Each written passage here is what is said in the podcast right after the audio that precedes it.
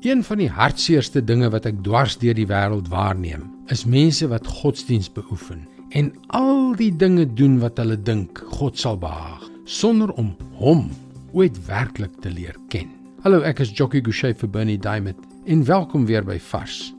Stel jou die volgende prentjie voor. Jesus kom na die stad en hulle behandel hom soos 'n groot ster. Al die besighede en al die skole sluit. Boere kom van hulle plase om hom te hoor praat. Die skare verdring mekaar om hom te hoor. Hy is die seun van God. Maar dan, in plaas daarvan om na die plaaslike biskop se huis te gaan vir ete, gaan hy na 'n tollenaar se huis. Tollenaars was deur die Jode verag omdat hulle tolgeld vir die Romeine geïn het. Daarby het hulle dikwels hulle landgenote afgepers. Jesus verkies die geselskap van tollenaars. Hy drink wyn en eet saam met hulle terwyl hy die godsdienstige leiers, die belangrike manne in die stad, ignoreer. En hulle reaksie? Dit is hoe Jesus dit gestel het in Matteus 11 vers 18 en 19. Johannes het gekom en nie geëet of gedrink nie. En hulle sê hy is van die duiwel besete. Die seun van die mens het gekom en geëet en gedrink. En hulle sê, kyk daar, 'n vraat en 'n wynsuiper 'n vriend van tollenaars en sondaars. Maar God tree met wysheid op en sy werke bewys dit.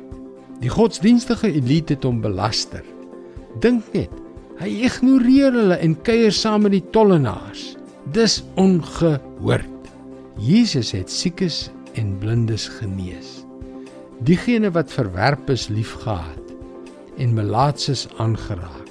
Hy het selfs die dienskneg van 'n Romeinse offisier genees.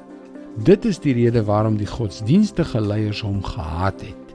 Hierdie aardse, opregte Jesusliefde het nie by hulle godsdiens en selfgeregtigheid ingepas nie. Hieroor het hulle beplan om hom dood te maak. Hulle het Jesus gekruisig. Dit is wat godsdienstigheid uiteindelik doen. Dit kruisig Jesus. Wat verkies jy?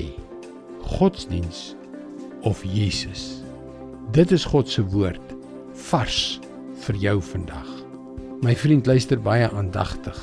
Hierdie God wat Jesus, sy seun gestuur het om vir jou te sterf, om die prys vir jou rebellie te betaal sodat jy die gawe van die ewige lewe kan hê.